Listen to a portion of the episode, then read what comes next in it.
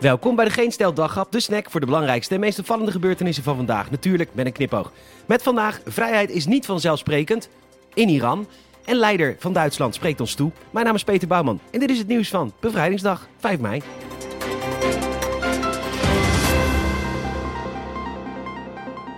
Ja, het is dus vandaag 5 mei, bevrijdingsdag. En dus vieren we dat ons landje 76 jaar geleden werd bevrijd van de Duitsers.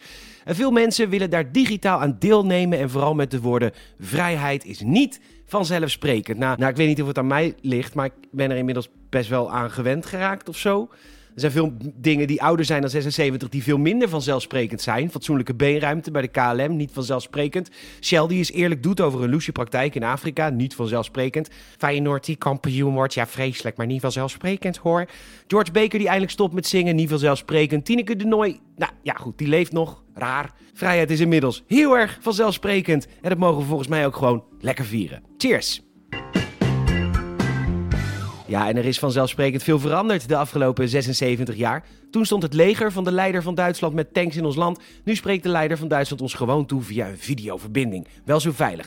Ze had zelfs een stukje voorbereid. De 5 mei-lezing is te zien op de NOS.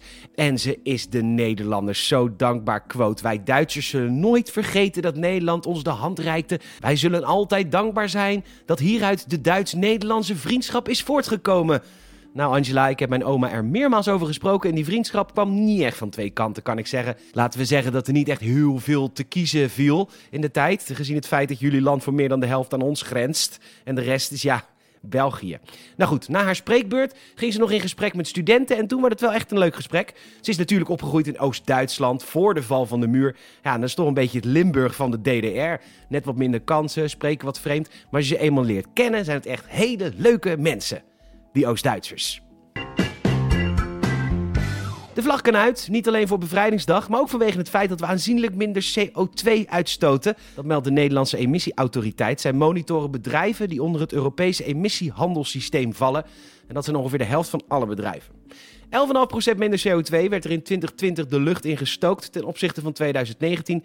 En hoe hebben die bedrijven dat nou geflikt? Nou, Biomassa. Ja, milieubewuste luisteraar, biomassa is de toekomst, want alle manieren van biomassa zijn groen. Zo worden bijvoorbeeld hele groene bossen omgekapt om op te stoken in enorm groen geschilderde ovens. Nou ja, biomassa wordt dus niet meegerekend en dat is een hele mooie truc. Ja, ik heb twee biertjes op, dus ik ben niet dronken. Ja, ook acht glazen whisky, maar die tellen niet mee. Vreemd gegaan, alleen met Erik, maar die telt gelukkig niet mee in de officiële cijfers. Phew. Ja, Iran heeft weer van zich laten horen middels een hilarische propagandavideo waar ze het Amerikaanse kapitool opblazen. Dit natuurlijk om de eigen bevolking te laten zien dat ze echt heel erg veel voorstellen op het wereldtoneel. Hashtag vrijheid is niet vanzelfsprekend. Ze hadden beter de beelden van het bestormde kapitool van begin dit jaar kunnen laten zien. Dat maakte meer indruk. Maar goed, de Amerikaanse en Iranese regeringen zijn weer met elkaar in gesprek om het atoomakkoord uit 2015 nieuw lezen in te blazen dan zal zo'n video zeker helpen. Toen ik met mijn ex sprak om weer bij elkaar te komen, had ik een animatie gemaakt waarin ik zijn moeder kapot schoot. Nou ja, ik ben nog steeds vrijgezel. Het gaat goed met de dieren in Nederland. De meeste dan. Met de duiven in Groningen gaat het iets minder. Die worden tegenwoordig voor de hobby neergeluchtbukst door studenten daar. Maar de wolf gaat lekker. We hebben wasberen, rivierkreeften lopen over de straten van Amsterdam. Herten hebben we zoveel dat we ze moeten afschieten of bijvoeren. En nu is daar de goudjakhals.